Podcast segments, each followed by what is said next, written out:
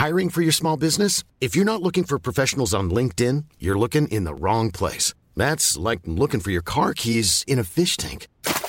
LinkedIn helps you hire professionals you can't find anywhere else, even those who aren't actively searching for a new job but might be open to the perfect role. In a given month, over 70% of LinkedIn users don't even visit other leading job sites. So start looking in the right place. With LinkedIn, you can hire professionals like a professional. Post your free job on linkedin.com slash people today. Hey, I'm Ryan Reynolds. Recently, I asked Mint Mobile's legal team if big wireless companies are allowed to raise prices due to inflation. They said yes. And then when I asked if raising prices technically violates those onerous two-year contracts, they said, what the f*** are you talking about, you insane Hollywood ass?" So to recap, we're cutting the price of Mint Unlimited from $30 a month to just $15 a month. Give it a try at mintmobile.com slash switch. $45 upfront for three months plus taxes and fees. Promo rate for new customers for limited time. Unlimited more than 40 gigabytes per month. Slows. Full terms at mintmobile.com.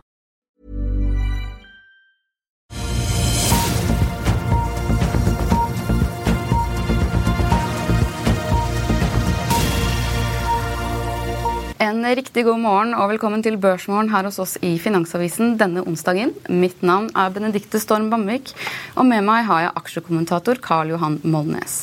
Etter hvert så får vi også med oss konsernsjef i Sparebank1 SR Bank, Benedikte Skilbred Fasmer. Før vi setter i gang med dagens program, så skal vi ta en kjapp titt på Oslo Børs, som endte gårsdagen med en nedgang på 0,5 der fikk Borr og Sjef Drilling kraftig juling etter at eh, verdens største oljeselskap, Saudi Aramco, meldte at de stanser investeringene som skal øke Saudi-Arabias produksjonskapasitet.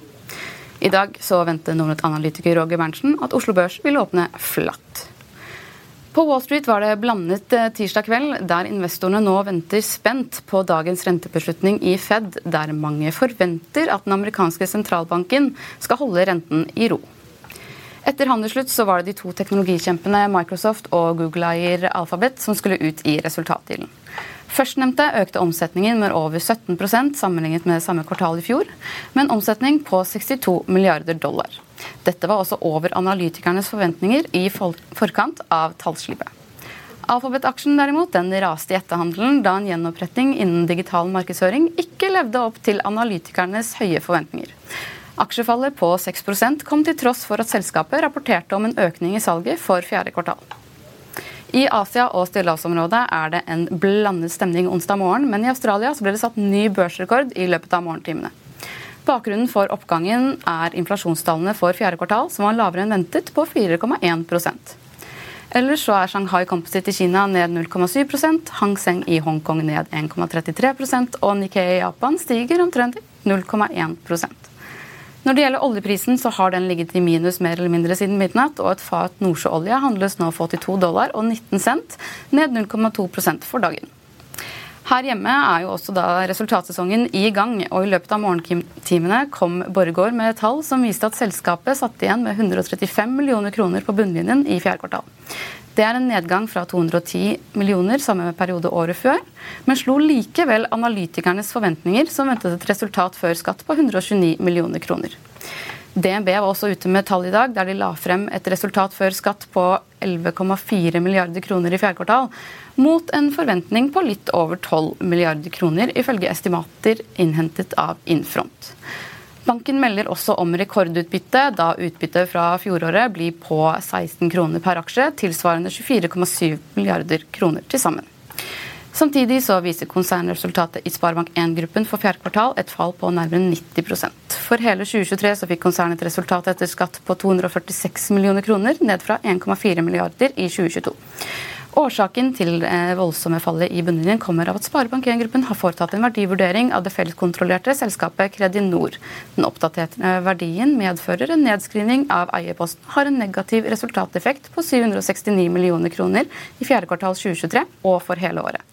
Karl Johan, det er jo ikke manko på nyheter eh, i dag, eh, vil jeg si. Vi kan jo starte litt med DNB-tallene, da. Ja, ta DNB. Og ja. det var Det er alltid sånn med DNB-tall at det er alltid én eller to linjer som overrasker. Men denne gangen er det ingen overraskelser. og Det er jo mange ting å holde styr på i en bank. Mm. Det eneste som største avviket er at utbyttet kommer inn på 16 kroner per aksje i forhold til 14,10. Og ellers så er det liksom EPS på 6,02 mot forventa 5,90 og Core Earnings på 11,9 milliarder mot 12,2. Så alt her er egentlig så, så på stell at det, det, det, virker som at de har hatt veldig god kontakt med analytikerne. Mm, og så virker det som at de tok tapsavsetninger på 920 millioner kroner etter kvartalet. Som forventa. Ja, det var ikke noe stort avvik fra konsensus der. og Det er jo et tall som kan hoppe og sprette rundt ganske mye. Mm. Ja.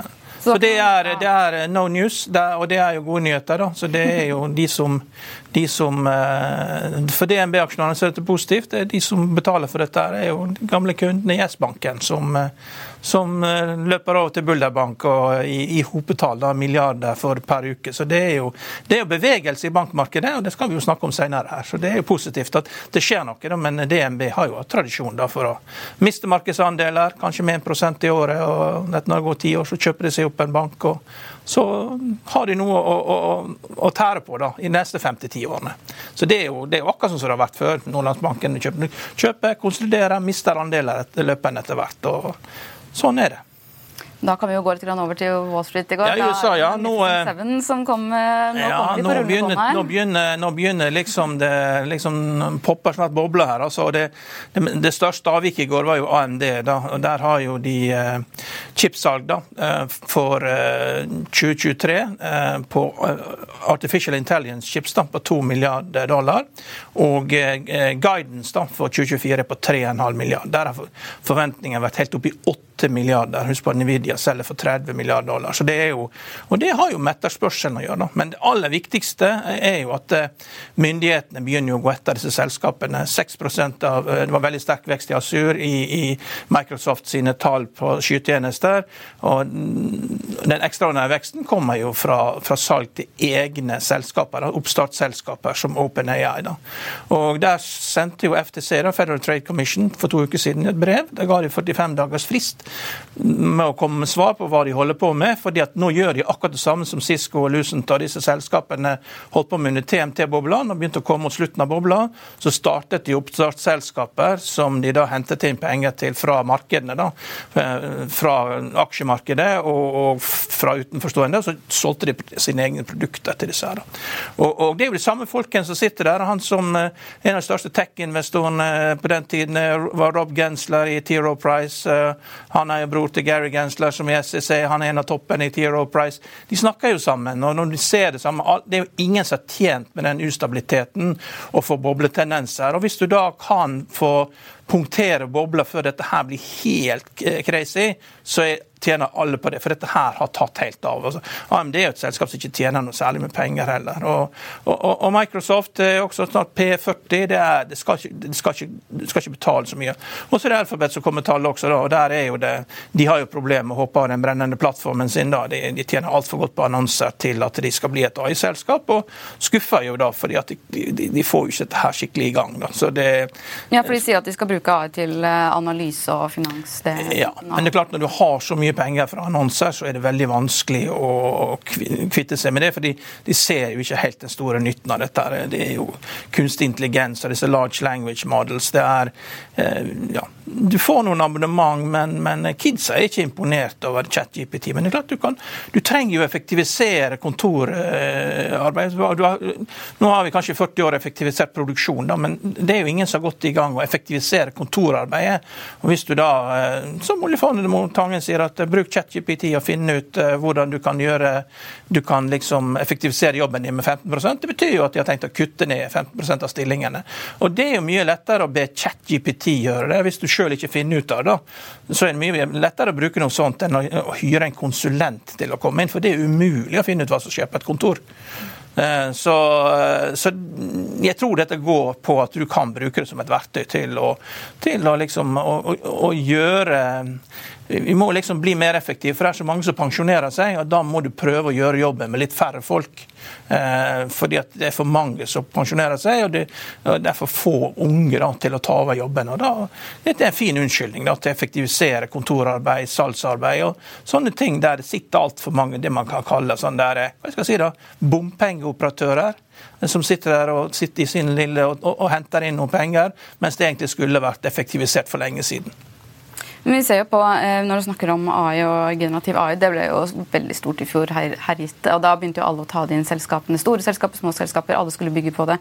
Og så har det jo vært litt den eh, forventningen om når skal man begynne å se effekten av det? Når skal man, selskapene begynne å tjene på det? Og nå ser det jo egentlig ut som Microsoft allerede har fått litt uh, gevinst av å integrere AI gjennom Azur og Ja, de har fått økt salg, men, men effektiviteten er jo spørsmålet. Det er klart det er alltid lett å, å, få, en, å få en Microsoft Office-kunde og tjene mer på det. For får du bare en faktura. Eh, så det er 30 dollar ekstra per bruker i måneden. Det merker jo ikke folk. Eh, så det, Du kan ha så mange kunder som Microsoft har. Men problemet er at det, det, det er veldig lite inntekter. Det er bare 6% av inntektene, av 6 av veksten av de, av de 25 som, av de 30 som, som kom ifra fra AI. og Problemet er at aksjen prises til P40. og Dette er det største problemet med aksjer. Folk ser ikke at de er forskjellen på de dyre og billige. Det er veldig stor forskjell på å kjøpe en aksje til P40 og P20. Du kan lett tape 50% på disse aksjene her uten at du får nedgangskonjunktur. Lett. Og det, jeg så jo, vi har jo bilder av avisen av folk. det er Fire mann så ut på en brun pub og går ut eh, i avisen her. Det er et fantastisk godt norsk fondsselskap og, som går ut og sier at nå må du satse på USA. Det var 15 år siden man skulle satse på USA. Det er for seint. Dette her er bobleterritoriet. Man må være veldig forsiktig. Dette her kommer til å sprekke skikkelig. Det er ikke bare der er problemet, Karl Johan. Tesla, Elon Musk sitter litt i det nå. Ja, men han, eh, Elon Musk er jo eh, er veldig flink da, til å gjøre all motstand om til en seier. Altså, nå eh, ser det ut til at Delaware ikke godkjenner Delaware ligger jo i nærheten av Washington DC. Det er et, det er et veldig yndet skatteparadis. Da. Det er minstestaten, og de eh, eh, det er der man eh, Mange nordiske selskaper også har selskap i Delaware. Men han har ikke fått godkjent opsjonspakken sin på 55 milliarder dollar. og da da kan han da bruke dette her til å gjennomføre det han har mest lyst til å gjøre. Det er å skape en ny aksjeklasse der han kontrollerer 25% av stemmene, sånn som, Facebook, sånn som man gjør i Facebook og Alphabet. Og da har han hatt eh, avstemning på Twitter eller på X da, om man skal flytte til Texas.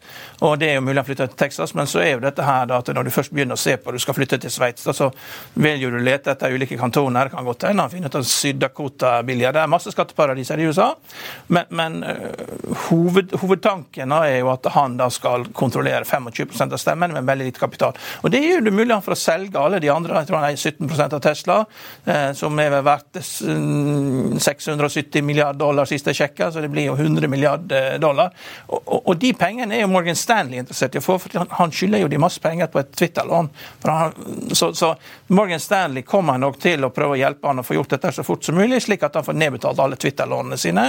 Og så vil han prøve å, kontrollere 25% av Tesla med stemmene, med minimalt med kapital. Og dette er begynnelsen på slutten på Tesla, som Tesla er, eh, har vært et fenomen i 15 år. Det er 50% av omsetningen i Zero Date Options er i Tesla.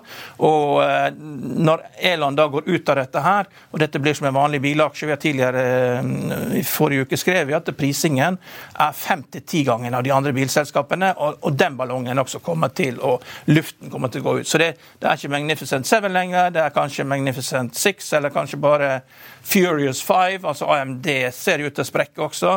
Så til slutt da, så er det bare Nvidia som står igjen, og alt annet er sagt. Så de, det er en måneds tid til de kommer med tall da. og Det er jo eh, det er litt det samme der også. De har jo starta selskaper for å selge til seg sjøl. og ja, det, det, det går bare så lenge.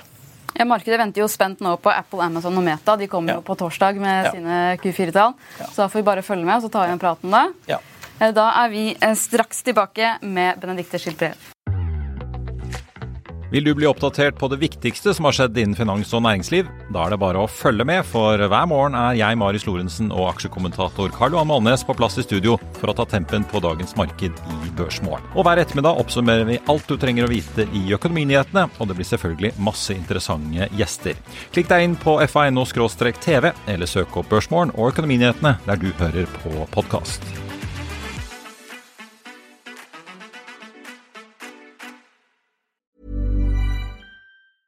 I'm Sandra, and I'm just the professional your small business was looking for. But you didn't hire me because you didn't use LinkedIn jobs. LinkedIn has professionals you can't find anywhere else, including those who aren't actively looking for a new job but might be open to the perfect role, like me.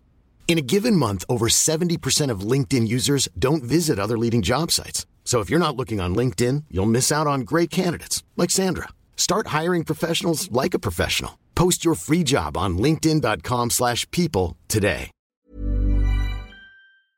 I'll see you in court.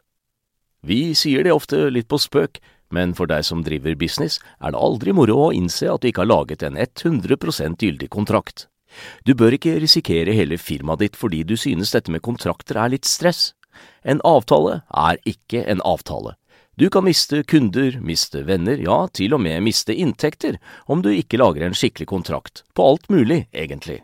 Men vi vet det er et styr. Kopimaskiner, tregprinter og haugevis av papir.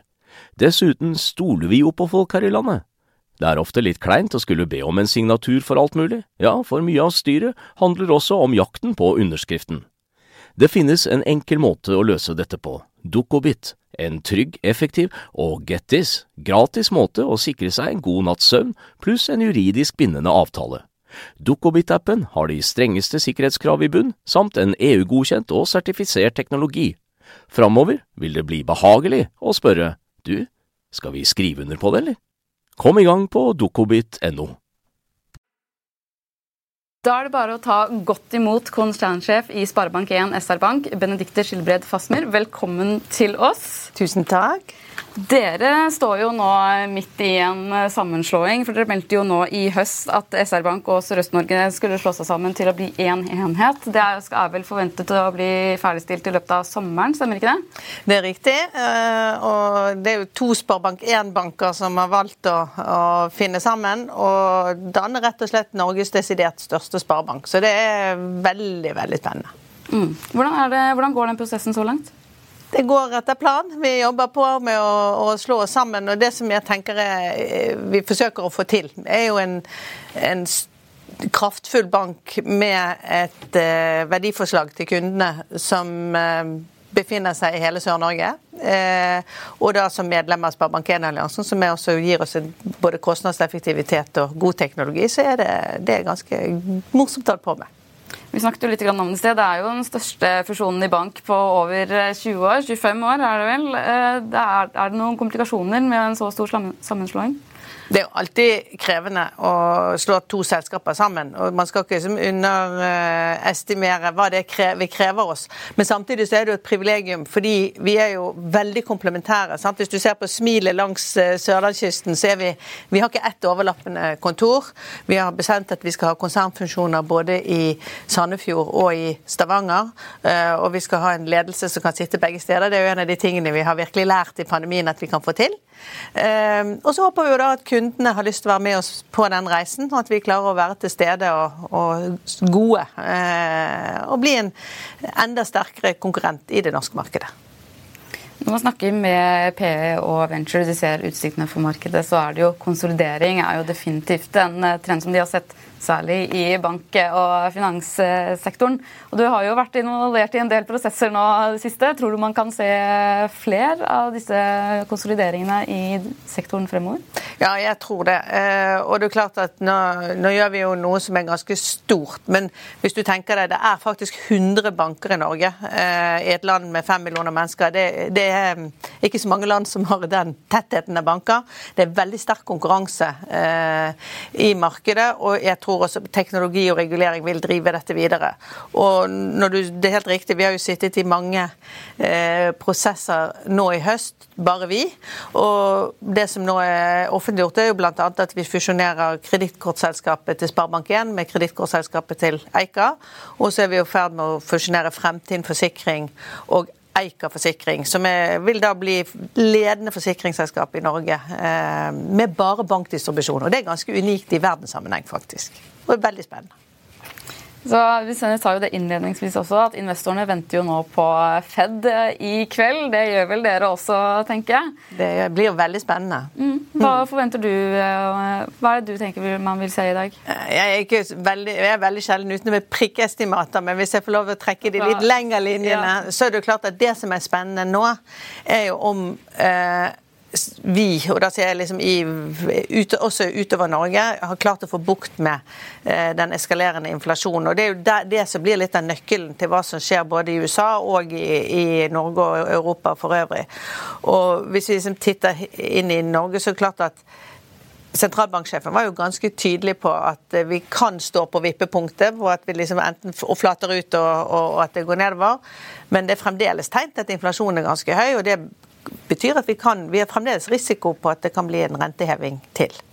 Så um, veldig spennende, vil jeg si. Og det er klart at den globale uroen som vi eh, har blitt liksom enda tydeligere nå eh, i, eh, både i slutten av 2023 og 2024, Eh, kommer til å gjøre endringer på veldig mange vis for oss. Eh, det er i hvert fall helt sikkert. Hva er prognosene til deres eh, sjefsøkonomer? Altså forventer de at det, eller altså Hvordan er prosentandelen på hvor mye man kan vente etter en renteheving og eventuelt rentekutt i løpet av året? da? Ja, Vi tror jo at toppen er nådd. Liksom, det er i hvert fall det som er den, det vi tror mest på. Og vi tror på at vi kan se en litt fallende rente mot slutten av 2024. Nettopp. Og en myk landing for norsk økonomi men med store bransjevise forskjeller. Hvordan det? Nei, altså Det vi ser veldig tydelig nå, sant, det er at det er noen både regioner som går bedre enn andre. Eh, og der er jo det eh, Rogaland i særdeleshet eh, fremtredende, fordi man har en sterk oljebasert sektor og energihub på en måte som i, har et sterk utvikling. Og så ser vi at bygg og anlegg sliter kraftig, kraftig, og det har noen ringvirkninger for bedrifter som at det, er tilliggende, tilliggende næringer. Og så men Personkundene klarer seg veldig bra. Men Hvordan er eksponeringen deres mot næringseiendom og olje? Eh, I næringseiendom nå så har vi ca. 13% av vår eh, portefølje. Ja. ja. Ikke sant. Men nå som vi ser, hvis vi skal ha sånn, litt på makroøkonomien, da, nå som ja. man tror at rentetoppen er nådd, og så mm. kommer rentemarginen og egenkapitalavkastningen deres under press da, og i næringen? Ja, altså du kan si Det, det er flere drivere for eh, banker og bankmarkedet, da, hvis vi snakker litt i, i, i, stort. Og Det ene som skjer nå, er jo renteutviklingen, som du er inne på. og det er klart at Vi kommer jo fra unormalt lave eh, nivåer på rente, som gjør at man liksom tatt igjen litt på innskuddsrentene, sant? som var negative faktisk, før de rentehevingene kom nå. Så har liksom det begynt å normalisere seg litt på marginene. Og så har vi eh, tatt stort sett fulgt ganske lojalt med Norges Banks rentehevinger, og det er jo en del av vår samfunnsrolle sant, for å få bukt med, med, inflasjonen. Men der ser vi at marginene er fallende, rett og slett, og spesielt i, i personmarkedet.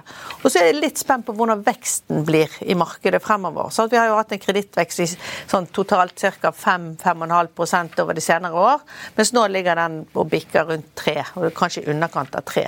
Og da blir det jo enda sterkere konkurranse sant, om de prosjektene og de lånene som eh, kundene ønsker. Så jeg tror vi skal mm, Det blir litt, mer, eh, litt tøffere å være bank eh, fremover.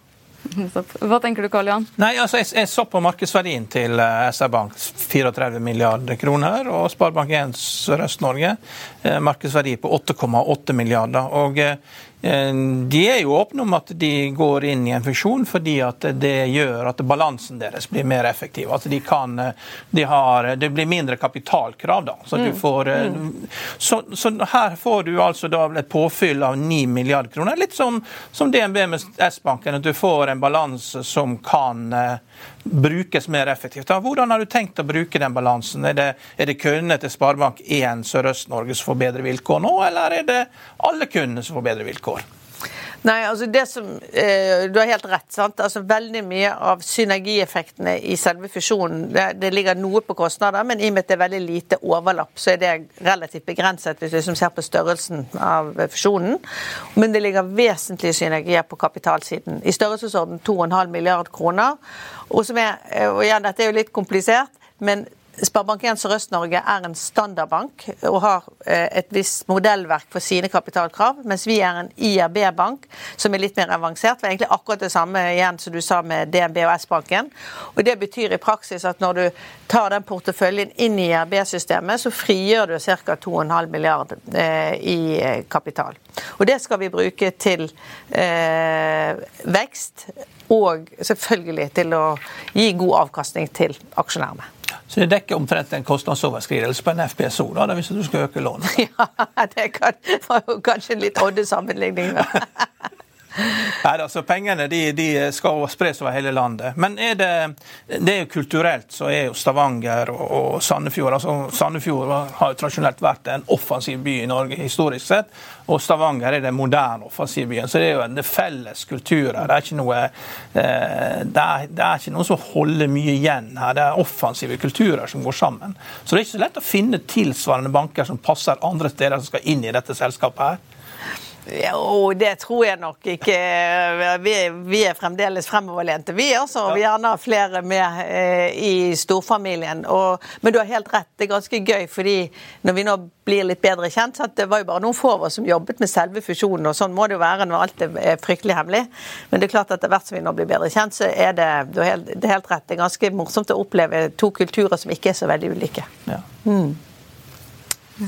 Vi skal se litt på veien videre, for det er jo fusjonen den står jo for tur nå mot sommeren. og alle mm. følger jo spent med på det. Og så er det jo selvfølgelig rentebanen og inflasjon som selvfølgelig også preger eh, fremtidsutsiktene her. Men er det noe annet som dere eh, kommer til å være viktig for eh, det nye sammenslåtte selskapet fremover?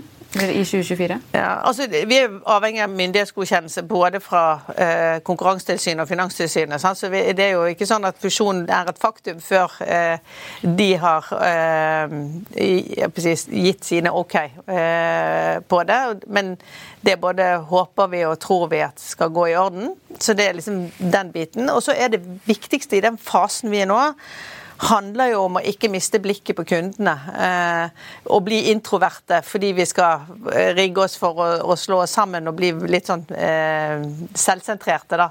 Så det store mantraet nå handler om å være til stede for kundene. Være på i, både for de som ja, nå har det litt mer krevende pga. renteøkningene, og ikke minst å, å se på nye eh, muligheter. og så håper jeg eh, og tror at vi skal eh, kreere en bank som eh, fortjener kundenes forretning. Men så lenge, så lenge, staten, altså Finanstilsynet, gjør det vanskelig for flere banker å bli RV-banker, altså få lov til å beregne sine egenkapitalkrav, så er jo det et enormt press på å fusjonere inn med en gang man får litt problemer. enten et store, litt større tapsengasjement enn man trodde, eller man litt, må plutselig må innføre eh, strengere krav til å passe på hvitvasking. Toten mm. Sparebank plutselig ender opp i eh, å fusjonere med Sparebank1 Østlandet. Altså, det presset er jo der hele tida. Altså det, det, er jo egentlig rart det er ikke flere banker som fusjonerer eh, med det sterke presset som er der.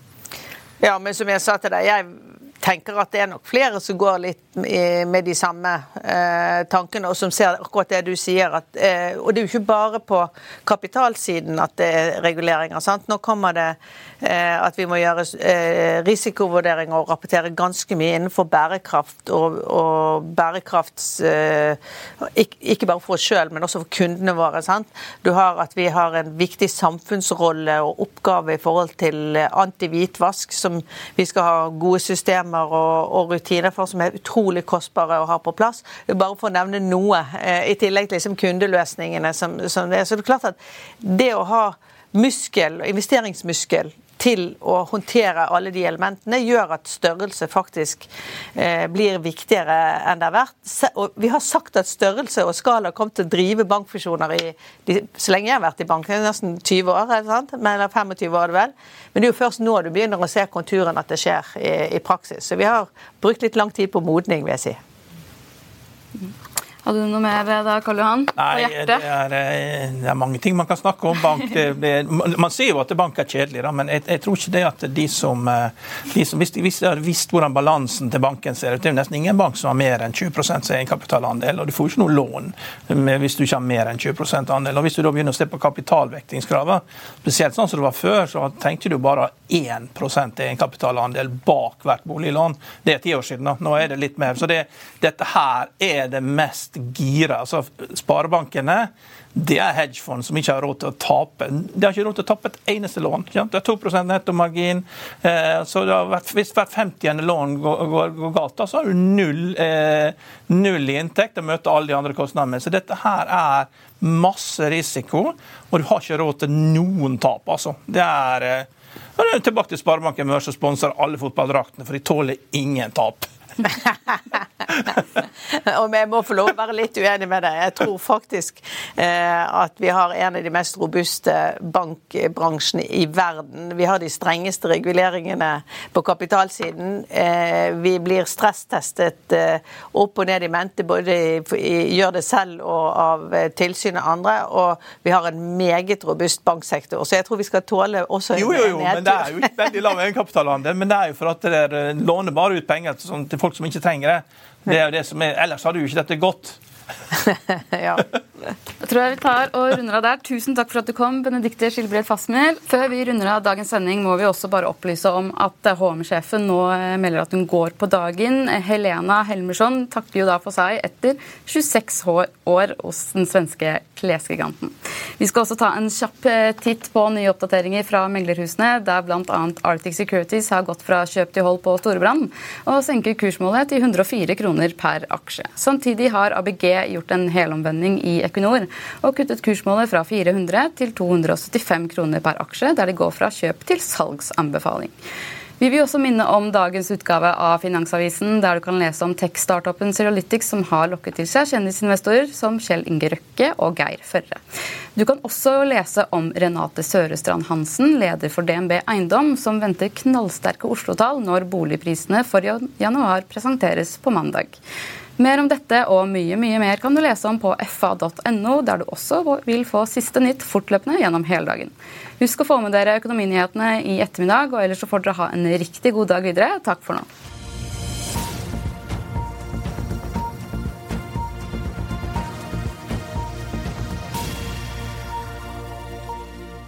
Økonominyhetene er en podkast fra Finansavisen. Programledere er Marius Lorentzen, Stein Ove Haugen og Benedikte Storm Bamvik.